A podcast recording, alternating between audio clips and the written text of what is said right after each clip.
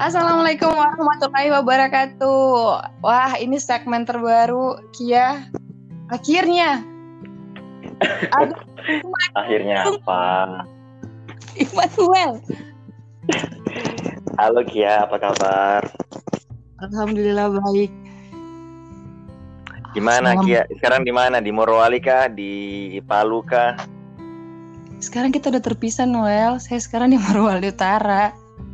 Iya kan, walaupun mereka kita terpisah, rindu kita tak pernah terpisah kan? Eh tapi kita sama-sama di utara loh. Kita sama-sama di utara. Oh iya, betul betul. Gimana keluarga sehat Kia? Alhamdulillah sehat. Sehat semua ya. Mm-mm. Morowali katanya sudah ada yang konfirmasi positif COVID-19 Kia ya? Kita yang terbanyak di seluruh uh, Kabupaten Sulawesi Tengah. Totalnya berapa Kita- totalnya? Eh, yang terbaru sembil eh yang lama sembilan tapi yang ini ada rapid test itu ada tambahan tiga dari ODP 80 orang kita belum tahu yang Oh, lain Oke, berarti kan rapid test tiga orang itu kan mereka harus harus ikut swab dan PCR lagi kan? iya tiga orang itu masih harus tes lagi dan 80 orang juga masih menunggu juga hasilnya Oh, semoga apa semuanya uh, bisa se- segera membaik ya. ya. Untung amin amin tadi saya coba cari referensi tentang seperti apa COVID itu bisa menular, terus juga uh, secepat apa dia bisa menular dari orang yang satu ke orang yang lain kan? Mm-mm.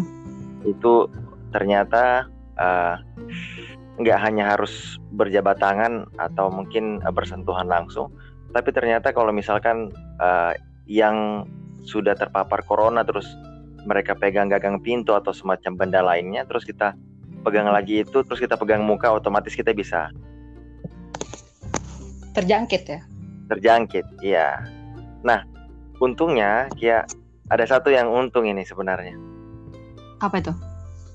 Untungnya corona ini tidak apa tidak men- apa tidak menyebar dan berjangkit lewat rindu.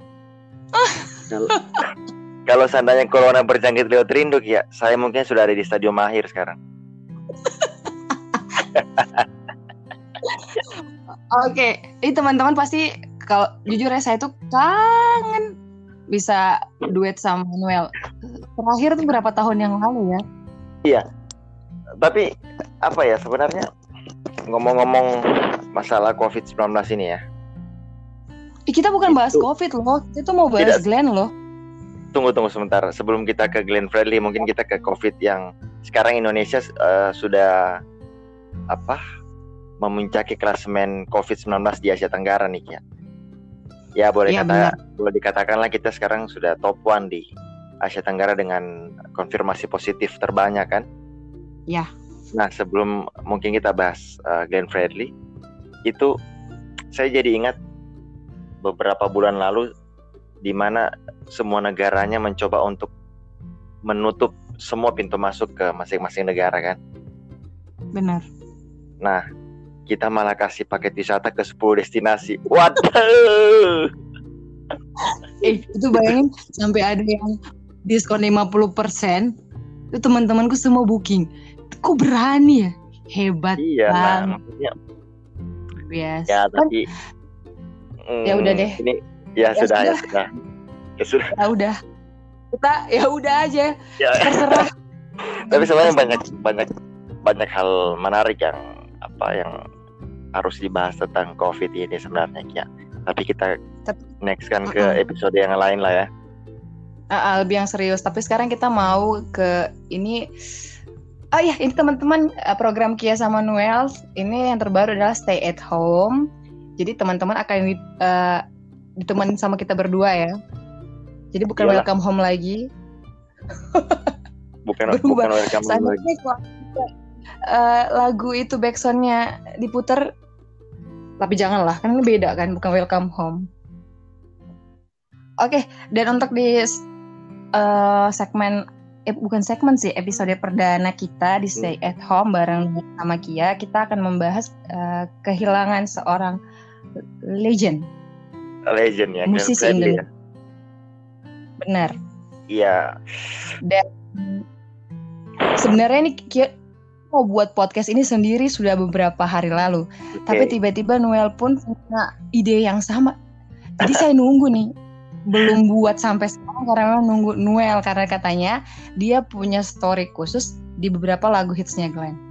Wih, sebe- sebenarnya tidak ada story-story terlalu khusus saja sih ya karena sudah pernah dengar apa narasi TV yang diposting Nacho enggak maksudnya ada satu uh, audio di Instagramnya Nacho ah. Steel membahas tentang Glenn Fredly kurang lebih mungkin 2-3 menitan. Belum belum sih, belum Coba saya setelah- dengar. setelah kita bahas ini Kia harus dengar itu. Langsung dengar pokoknya. Oke, itu sip. apa ya? Maksudnya kalau dengar itu sedihnya jadi berlipat ganda karena Nacho Siap adalah orang yang salah satu yang paling dekat sama Glenn kan? Sampai Nacho Ah, buat narasi TV Glenn langsung bergabung ke situ. Nacho bisa Dan Hmm, punya kita punya pengalaman yang sangat ini sih sama Glenn karena kemarin Glenn pun datang ke Palu. Oh iya. Dan bersyukurnya saya itu kayak apa ya kayak mimpi. Memang dulu eh, dulu saya tuh ngomong sama Vina beberapa bulan sebelum ulang tahun Nebula waktu itu kan. Hmm, kita mau datang ke apa ya? Ini artis siapa ya? Karena sebelum sebelumnya kan ya kita tahu Nebula kan punya warna khusus segmentasinya oke. kan. itu itu karena memang kan ya tiga ini mereka geng juga. Glenn si Isidoro Tompi. atau eh eh, Dan Tompi. Tompi, karena itu kan. memang kita itu masih percaya loh dan Vina eh, kayaknya kalau dari tiga itu kita tidak bisa undang tiga tiganya apa yang bagus? Glenn. Itu muncul jadi saya dan Vina udah buat proposal kayak Glenn nih. Beberapa minggu kemudian timnya Glenn saya itu hebat sekali. Entah Iya. dari mana. Luar biasa ya. Jadi itu kayak tiba-tiba dijawab. Akhirnya hadir dan memeriahkan ulang tahun Nebula juga waktu itu kan? Ya betul. Dan waktu itu per 20 ya, itu luar biasa. Ya sempatnya fotonya rame-rame sih waktu itu. Saya punya fotonya cuma rame-rame ya iya sih. di situ saya cuma bahoba begitu karena saking banyaknya orang di studio. Kan tidak ada fotonya saking kita sibuk prepare konsernya eh, kan di Untat satu sama di Mercure itu Mercure saya itu. tidak ada foto sama dia tidak ada foto sama Glenn ya karena memang fokusnya di konsernya. Karena memang- tapi Noel nonton kan? Kita Nonton, terpisah nonton, tempat nonton dong nonton dong waktu itu sama almarhum Tino ya? Waktu di, di Mercure sebenarnya orang-orang ya sudahlah kalau kita bahas Glenn Fredly kan memang uh, dia keren sekeren kerennya kan. Memang dari dulu orang nggak bisa pungkiri bahwa Glenn keren kan. Mm-mm. cuma orang-orang mau menyaksikan langsung debaku cakar sebenarnya bandnya Glenn. Serius bandnya Glenn itu keren sekali sebenarnya debaku cakar itu benar-benar Iya, bagus iya. sekali. Bagus sekali bandnya Glenn Fredly. Dan mal- malam itu sebenarnya orangnya orang nggak terlalu banyak cuma lagu-lagu yang dibawakan aduh hanyut. Dan itu kayak kalau saya konser paling romantis iyalah. paling the best di Palu menurutku Mm. selama saya menonton. Dan apalagi dengar saksofonnya ya itu kayak harusnya ada se- seorang pasa apa pasangan kita di Hai. sebelah terus gandengan itu romantis tapi Itu- sayangnya. Tunggu. Oke ya Eh, Allah. apa? Lagu pertama yang Kia. Maksudnya kalau lagu? kalau bicara Glenn Fredly apa sih yang langsung Kia ingat gitu? Eh, kalau saya ya sebenarnya banyak lagu tapi eh, saya ini cuman ada dua lagu yang sangat sangat storynya panjang. Dan kalau setiap denger itu pasti nangis. Hmm. dan eh, beberapa tahun eh, saking ada storynya itu tidak mau denger lagu itu. Pasti nangis. Jadi jadi beberapa bulan setelah setahunan nangis terus nangis terus akhirnya dua tiga tahun saya stop denger lagu itu. Tahun berapa dan kalau sekarang pun harus tahun berapa tuh? Itu tahun 2000 2000 eh, 2006 2006 2000 berarti iya. dia baru masuk ke satu eh Nah, oh harusnya baru tamat SMP dong. Harusnya baru masuk SMA. Eh, awal 2006 sampai pertengahan 2006 Oke. karena kan lagu saya itu pendengar fanatik radio dulunya kan dari saya tahun 2005 2005 itu dengar radio jadi tahu jadi beberapa lagu hits pastinya selalu terdengar karena kita tiap hari dengar radio dengar radio gitu kan. Dan 2006 itu di saat padahal itu lagunya Glenn itu sebenarnya sudah hits di tahun 2003 cuman lagu Glenn itu muncul terus di saat bersamaan dengan ceritaku gitu kan. Ada dua satunya itu akhir cerita cinta sama sedih ngeri itu ngeri dalam ngeri. banget ya Allah. ngeri ngeri. Ngeri ya tapi sekarang sudah tergantikan. Sudah ada sudah ada apa? Sudah ada yang ini kan? Sudah ada eh, yang ganti toh. Tapi itu memang apa ya menjadi kisah pertama yang sangat menyakitkan, cie. Iya, Tapi yang membuat saya kuat dan kalau menjalani hubungan dengan yang lain tuh kayak Ih, biasa aja karena saya sudah pernah rasakan yang sepahit itu.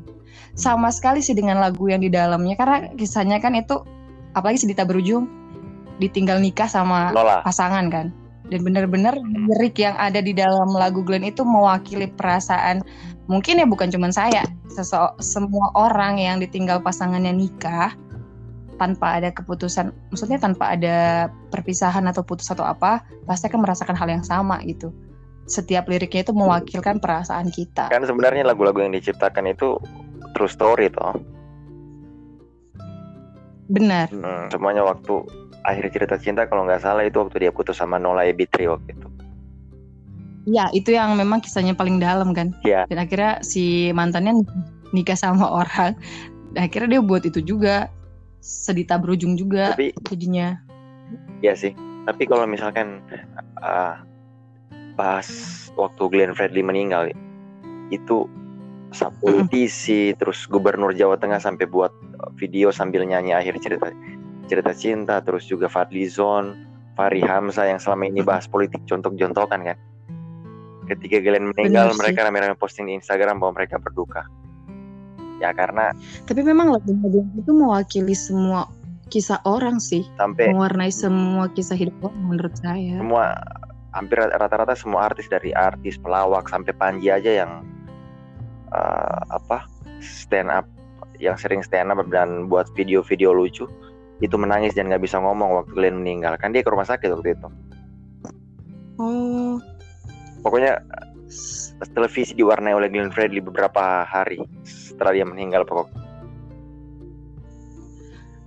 ah, ah. eh, tunggu. Kalau Noel kan kayaknya punya cerita juga kan di balik lagunya Glenn. semua sudah Saya terwakili, mau tebak, saya mau tebak. semua sudah semua, saya mau tebak. semua sudah terwakili sama ada dia dua dua masa dua itu juga nah, nah. kayaknya beda cerita. Kalau itu cocoknya di dua lagu ada dua lagu cocok apa buat coba coba coba. Yang mana? Kalau satu itu lagunya eh terpesona. Kayaknya cocoknya terserah sama terpesona. Eh, kalau terserah terpesona sih terserah yang sangat-sangat maksudnya bukan sangat-sangat sih sangat-sangat Memang eh, so tua terserah kita itu ini so Noel tua banget. so tua kita ini. Begini tidak terserah. Itu Noel ya banget. terserah. Eh, sudah terserah. Kalau apa? Tadi apa? Ter- terpesona itu kan? Terpesona ini karena memang matamu mata keranjang gitu kan setiap ketemu orang dia merayu kan? Dia kayak ya karena memang wanita Iya, suka dirayu toh. Tapi tidak bukan bukan terpesona sih. Kamu tuh lebih cocoknya Januari. Ya lagu ini Januari. wanita itu dia tahu dia dipaten tapi dia suka. Iya kan kan memang wanita suka surga telinga. Cie. ya terus yang kembali ke awal itu kena sekali ya so pernah Hmm. dengar apa itu? Lagunya Glenn yang kembali ke awal. Belum sih. Habis ini harus dengar. itu. habis ini harus dengar. Habis. Kembali ke awal. Saya kira kali ini saja ya. Kayaknya semua Joy. Masuk semua ini apa apa ini. Kayaknya semua atau cinta dan rahasia kayak kok cinta dan rahasia itu cocoknya untuk zaman zaman sekolah ya? Iya zaman zaman sekolah dan kuliah itu cinta dan rahasia. Ah, baku-baku tikung. Cuma kan sebenarnya baku tikung. apa? Terus ada adu rayu juga kan? Glenn featuring Tulus. Bener itu yang lagi hi- hits juga sih. Iyalah, keren. Maksudnya yang anak sekarang sih kalau dibilang anak sekarang pastinya lagu-lagu yang Tapi- terbaru. Tapi kalau mungkin umurannya kita umurannya kita lagu-lagu dulu tapi coba kalau misalkan semua apa semua fansnya Glenn Fredly itu akan terwakilkan dengan uh, audio yang diposting Najwa Shihab di Instagram. Najwa. Itu pasti semua terus. Aduh, saya jadi penasaran. Kalau Najwa sempat bilang saat uh, apa lagu-lagu Glenn Fredly kan itu paling tidak hmm. pernah didengar sekali oleh seluruh penduduk Indonesia di mana pun. Terus juga, iya sih, tidak. Terus juga satu atau dua lagu kakak Glenn itu mengingatkan kita kembali ke masa muda yang mengharu biru. Benar ya. sih. jadi, jadi itu Tanto Yahya pun di postingannya itu kan dia sekarang Tanto Yahya di New Zealand kan dia jadi duta, duta apa? Dubes ya. Mm -mm, kedutaan. Hmm Dubes. Terus di postingan Instagramnya langit terasa runtuh ketika mendengar kabar dari tanah air. Karena Glenn kan selain penyanyi dia juga aktivis kan sebenarnya. Bener sih. Dan me dia memang orang itu kan privacy sekali kan. Mm -mm, dia terus dia, mm -mm, terus dia aktivis. Dia, ah, dia cuma tampilkan memang karyanya sama kritisnya, tapi untuk persoalan pribadinya, personal itu memang sama sekali yeah. tidak tidak ada yang tahu sih. Memang Glennnya gitu kan dan kayak dan orang tahu bahwa Glenn Fredly itu pemuja wanita gitu. Aura kasih ya, ya. Oh, luar biasa ya mulai Fitri aura kasih Dewi Sandra terus dan ada satu juga orang Palu yang memang dia suka karena dia sempat kan konser hmm. uh, tahun 2003 ya hmm. kalau tidak salah kan itu ke Palu sudah kedua kali okay. waktu saat ke Nebula tahu, tahu. tapi sebelumnya pernah datang hmm. dia kan jatuh cinta sama satu orang Palu kan hmm. Sampai akhirnya ada lagu yang dia buat khusus untuk yang dia suka itu di Palu. My Everything apa sih my nama everything, lagunya? My Everything. Oh jadi ternyata ada orang Palu yang mencat hatinya Glenn juga. Jadi my... dan ternyata orang itu aku tahu juga siapa. Mm -hmm. dan My Everything itu itu diciptakan pas dia nginap di salah satu hotel di dekat patung kuda. Berarti tidak lain tidak bukan. Adalah tempat nikah. Iya. tempat nikahku dong. Dulu itu kan pertama pertama dia datang kan hotel itu masih hitsnya kan di Palu maksudnya waktu itu dia Wow masih bintangnya banget. Terus katanya dia sempat ceritakan waktu di konser nggak dengar ya?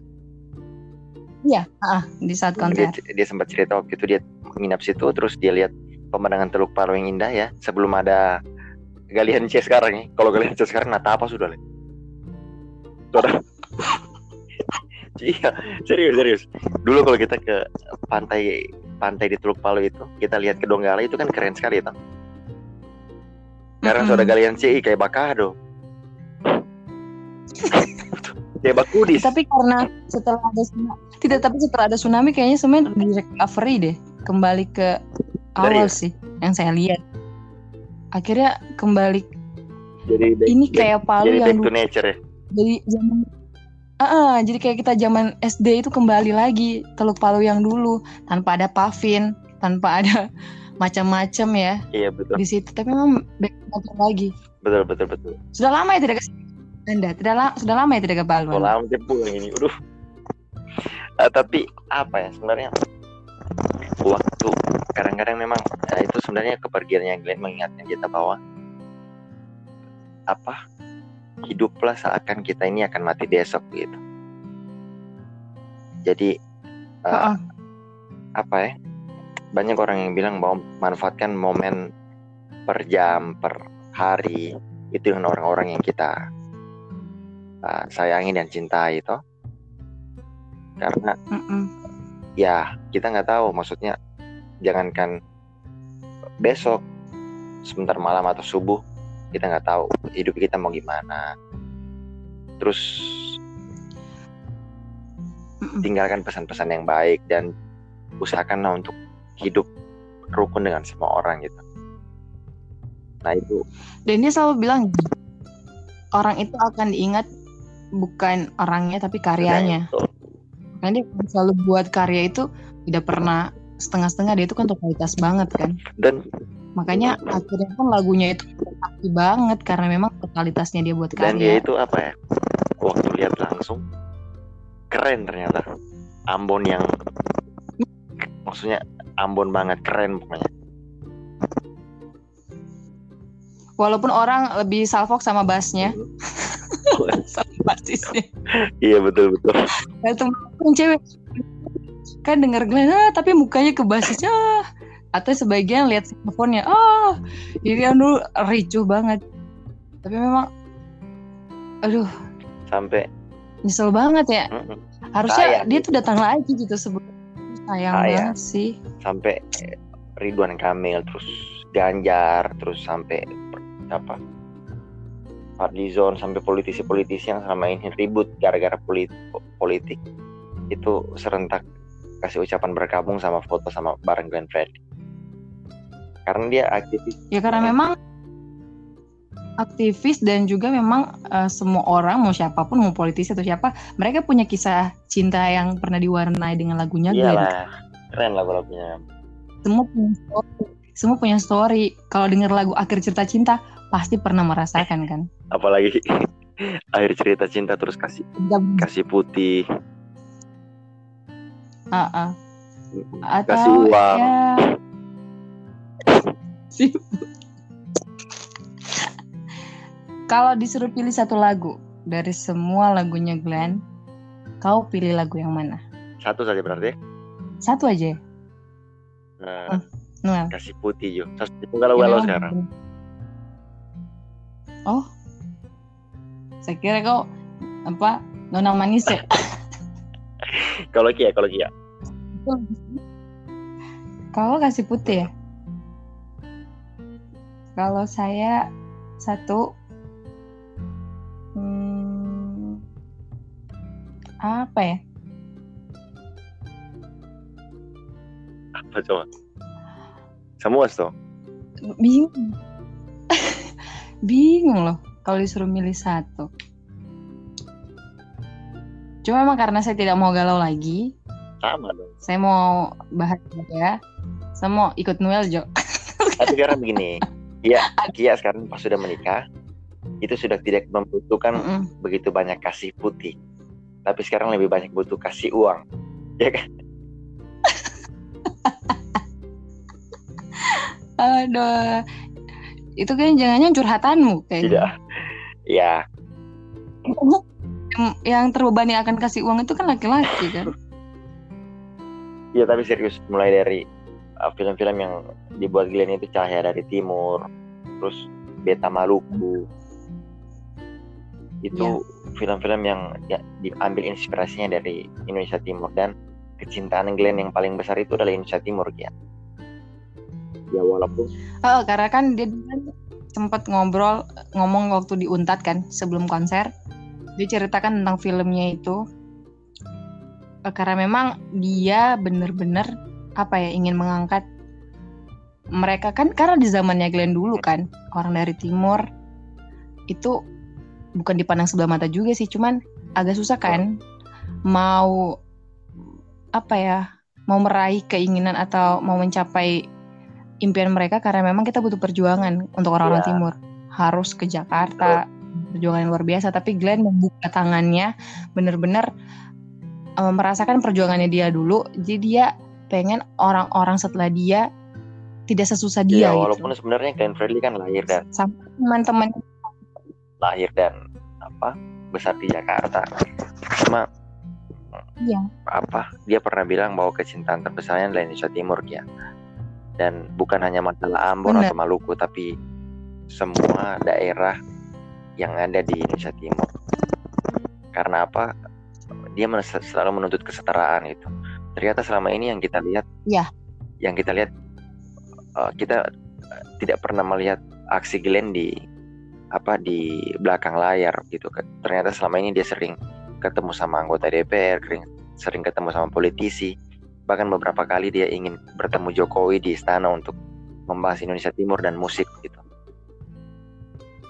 Ah, ah, untuk legi- legalisasi lebih musik ya itu yang paling diperjuangkan walaupun sekarang belum tuntas Belum tuntas. keinginannya tapi mudah-mudahan teman-teman musisi yang lain bisa meneruskan perjuangannya dia ya juga padahal kan kalau mau dibilang banyak artis yang lebih lebih top daripada maksudnya lebih terkenal daripada Glenn cuma sekarang orang semua kehilangan Glenn begitu Mm-mm. banyak sayang sayang karena di setiap festival jazz di Jawa seperti Java Jazz, Ramadan Jazz itu Glenn selalu hadir. Dan di setiap konser amal pun Glenn pasti Iya. hadir. Itu yang paling apa ya? Jadi banyak orang terkenang juga kan karena kalau dia tuh konser amal maupun tidak dibayar pun dia akan Iya. datang. Sampai manajernya bilang Glenn tahu benar kapan dia harus dibayar mahal, kapan dia harus tampil gratis. Jujur bayar Glenn itu Mahal, mahal loh. Saya pernah itu harganya 100 juta ke atas loh. Itu dia pribadi belum dengan timnya. Ya ampun. Jadi aku aduh gimana kemarin ya merasakan kemarin ya. Iya. Memang luar biasa sekali sih. Memang ya tidak akan murah sih untuk karyanya Glenn luar biasa dan aksi panggungnya yang kita dapat pun saat itu Memuaskan. di luar sebenarnya harganya harusnya ya, Ya, mahal sih sebenarnya. Mm-mm, dengan harga yang kita bayar ya. Begitu. bener. Memang satu atau dua lagu kakak Glenn itu dan lagunya tidak pernah mati gitu, tidak pernah. Maksudnya kan biasa ada lagu-lagu yang empat tahun lalu ya hanya hit di tahun itu kan ya. Tapi lagunya Ya. dari Tapi kalau ini ini sampai anak yang mungkin baru lahir di tahun 2000-an. Ya. Itu pasti ingat Pasti. juga sih, pasti pernah dengar. Pasti pernah dengar di mana, di radio pasti masih sering diputar, di karaoke pun dia kan masih ada di list gitu Mm-mm. kan. pokoknya Pokoknya semua orang pasti akan punya. Dan mungkin semua orang itu tidak tahu satu lagu eh, Glenn, betul betul minimal betul, satu. betul. minimal satu saja yang di, seperti yang dibilang Najwa Shihab Benar. keren dan dia tuh orang yang paling ya boleh dikata lah orang yang paling tapi agak uh, kontroversialnya juga sedikit ada karena dia katanya lebih suka apa uh, punya hubungan spesial dengan wanita yang beda keyakinan sama dia ya Bukan paling suka memang realitanya begitu, Pak. pasti ingat saya dulu tuh Oh, oh, kenapa kau bahas ke situ? Karena kayaknya memang itu mewakili perasaanmu ya. Itu memang kan sering dibahas dari dulu toh Ay, ay, ay. Jadi kayaknya kayaknya tuh kalau kau itu lagunya Januari deh. laguku ih, terserah saya terserah terserah, Oh, itu terserah. aduh jangan itu tapi begini ya Tolong sekali. Itu yang waktu cewek yang kau suruh saya boh. tapi begini ya Jangan, jangan dibilang. Jangan dibilang. Apa ada kisahmu yang aduh ya ampun. Bah, jangan dibilang. Ditutup Itu. saja. Jangan jadi, jadi begini sebenarnya lagu terserah itu terserah itu adalah kata-kata yang tidak diciptakan untuk laki-laki ya Tapi terserah itu hanya untuk perempuan oh begitu. Tapi diungkapkan oleh Iya. seorang laki-laki pasti. Jadi begini, perempuan itu lagunya Glenn itu sangat mewakili karena kalau kita tanya Oh perasaanmu sekarang ya, waktu itu ya. dulu dulu ini maksudnya ini ini masalah pengalaman, terus kita bahas Ya. pengalaman. Jadi wanita itu kalau ditanya kita ke mana, terserah, terserah. Terus kalau kita bawa ke tempat yang ramai, ih kita bawa apa di sini ramai sekali sini. Padahal tadi bilang terserah. terserah. Terus dibawa ke tempat agak sepi, kita mbak apa sih nggak sepi sepi sekali, baru pegal habjo. Terus terus laki-laki bilang kita pulang juga mah begitu kau, baru baru. Iya itu makanya lagu itu saya yakin kisah itu yang membuat Glenn bilang ciptakan lagu terserah. Atas pengalaman bisa diajak makan kita makan ini saja. Terserah. Ih terserah. Bisa tes suka ini. Pasti. Kenapa begini? Kenapa begini rasanya? Ih, kenapa yang ini? Iya kan? Jadi makanya kita harus bahas satu lagu minimal lima lagu ini hari ini. Kenapa kita menebak kenapa Glenn sampai ciptakan lagu itu dari terserah dari Oh, begitu. Ditebak-tebak kira-kira Glenn kenapa pas Terserah, ini- begitu? terserah muncul karena wanita begitu awal karena wanita, penyebabnya wanita. Makanya diciptakan lagu terserah. Iya toh. Sebenarnya iya sih. Mm-mm. harusnya begitu karena itu karena sebenarnya tuh cewek tidak mau gini ya cewek itu tidak mau matok saya mau ke sini. Gitu. Takutnya pertama dibilang matre kalau tempatnya terlalu mahal misalnya ya. Atau ih ini kok cewek ini eh, nuntut takutnya tidak sesuai dengan kapasitas cowoknya dong. Misalnya uangnya tidak cukup atau memang bukan tempatnya banget. Jadi kita mengikuti aja kata cowok gitu ya. Karena tidak enak sebenarnya. Tapi pas dipilih kan ternyata tidak Hmm. enak di kita ya kan. Kira protes tapi ya, kayak gitu sih. terserah. Terserah kan maunya dimengerti. Maunya peka gitu loh peka. Santai aja ya. tapi nggak apa-apa kalau kalau wanita itu meraju terus eh, apa suka bilang terserah itulah wanita gitu ya oh kalau kalau tidak bilang begitu Ya, berarti tapi bukan wanita kalau ya? laki-laki yang meraju terus suka bilang terserah. Sumbat DP dong supaya habis DP napas laki-laki pemeraju disumbat tapi mati hati astagfirullah. Tidak boleh. Terus kita bahas lagu apa lagi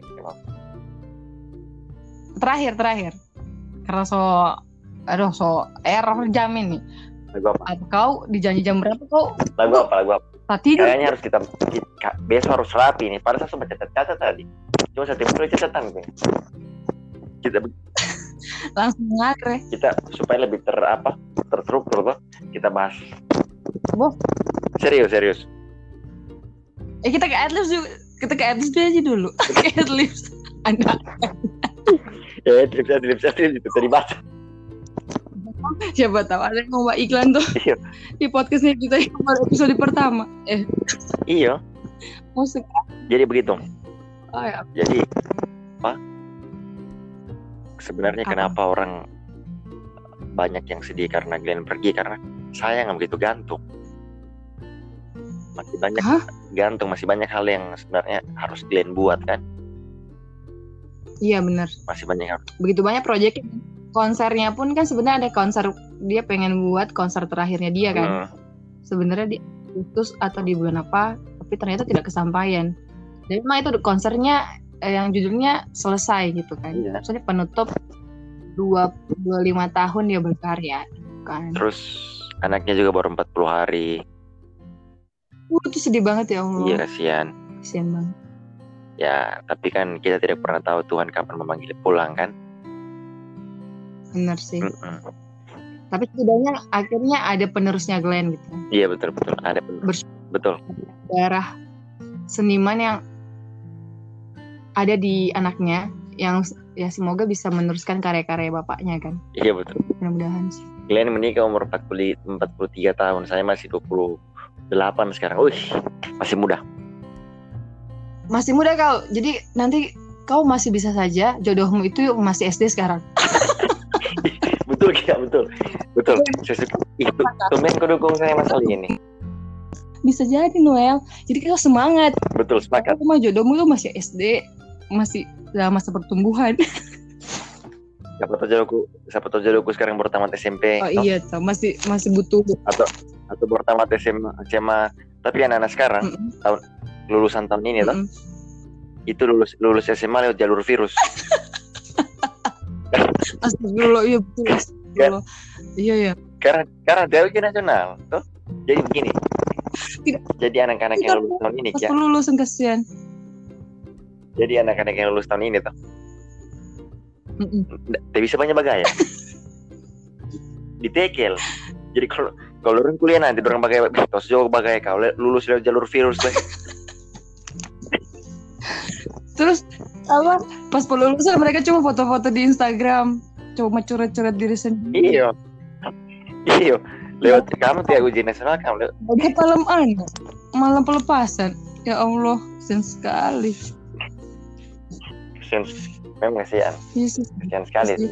Mereka kehilangan momen yang harusnya mereka rasakan itu sekali seumur hidup dong. Apalagi SMA kan. Pelepasan putih abu Oh, itu kan momentum sekali harusnya dilakukan. Tapi akhirnya mereka sama. Kita sasa- putih abu-abu saya sudah 12 tahun lalu gila. Bisa tidak lesa? Baru dua, dua tahun yang lalu. Hmm, saya belum tuh gila waktu waktu cepat sekali berputar. iya sih. Tapi Morowali lockdown sekarang, Cek. Eh, isunya kan awalnya gitu. Tapi ternyata setelah rapat kebijakannya ternyata tidak bisa lockdown total. Iya memang. Batas waktu sih. Karena memang kita logistik kita kan apa ya kebutuhan masyarakat tidak bisa dipenuhi dari daerah ini sendiri kan. Masih butuh dari eh, kota-kota lain. Jadi ya masih tetap Saya sepakat. Se- Sebenarnya kalau lockdown itu memang harus pikir panjang untuk uh, lockdown kan. kecuali Nggak harus kita mau menyiapkan semuanya nah, kita sebenarnya sih kayaknya lockdown soalnya tetap dipenuhi Iya. kebutuhan kalau saya langkah yang langkah yang terlambat sebenarnya harusnya dari dulu. iya Itu Jakarta, Cengkareng sama Sultan Hasanuddin Airport sama Balikpapan udah tutup. harusnya sebenarnya kalau dari dulu dilakukan tidak akan selama ini kan tidak akan berlarut-larut seperti ini Malah malah dikasih malah dikasih murah harga tiket pesawat. Eh, Diskon 50 persen. Eh Hama ke Jepang jadi murah Hmm. sekali. Jadi orang Hama kapan lagi saya bisa ke Jepang? Kecuali tahun ini kan. Kacau orang. akhirnya pulang langsung dikarantina ada orang. Kacau ini. Astagfirullah. Sudahlah ya. Walaupun si eh, bukannya menteri akan cepat-cepat membuka tempat wisata karena katanya turis-turis dari luar negeri sudah stres pengen liburan ke Indonesia Menteri serba bisa itu. dia memikirkan negara lain loh warga yang lain yang stres kita ini lebih stres tolong Iya. Dulu waktu tapi sebenarnya mungkin mungkin kasus corona ini masuk masuk sebelum tanggal 2 Maret kan pengumuman pertama kan waktu itu tanggal 2 Maret kan corona masuk Indonesia. padahal Tapi karena dengan berbagai Hmm, mungkin mungkin tapi kita tidak mau beropini terlalu lama. mau ditangkap Iya, kita ya. Yang terlalu lama kita membaca data yang ada saja kan mau ditangkap kita ya makanya saya bilang kalau kita bahas bahas covid ini saya saya kan menulis besok kan besok Ah. hari Sabtu nah, besok kita bahas rapid gitu supaya ada orang baik iklan sini toh siapa mau iklan di saat seperti ini Iya, jadi. Allah jadi oke jadi saya akan buat buat buat rapid. Oke, oke. sip Toh? dan besok kita akan bahas harus kita punya harus punya isu besok materi kita covid 19 berarti tiap hari kita akan uh, hadir ya Iya tiap hari. Terus juga nanti tiap hari kita akan post kita akan post uh, berapa banyak tambahan positif. Terus di daerah kita akan bahas di daerah ini berapa yang positif PDP itu bukan berapa Noel dan Kia banget deh itu terlalu berat untuk stay at home tidak apa-apa. Tapi nanti kita bahas-bahas dalam jokes-jokes yang atau itu ini. masuk dalam ini aja ya eh, flash news news flash Eh, betul. berita bisa Saya- bisa bisa sebenarnya.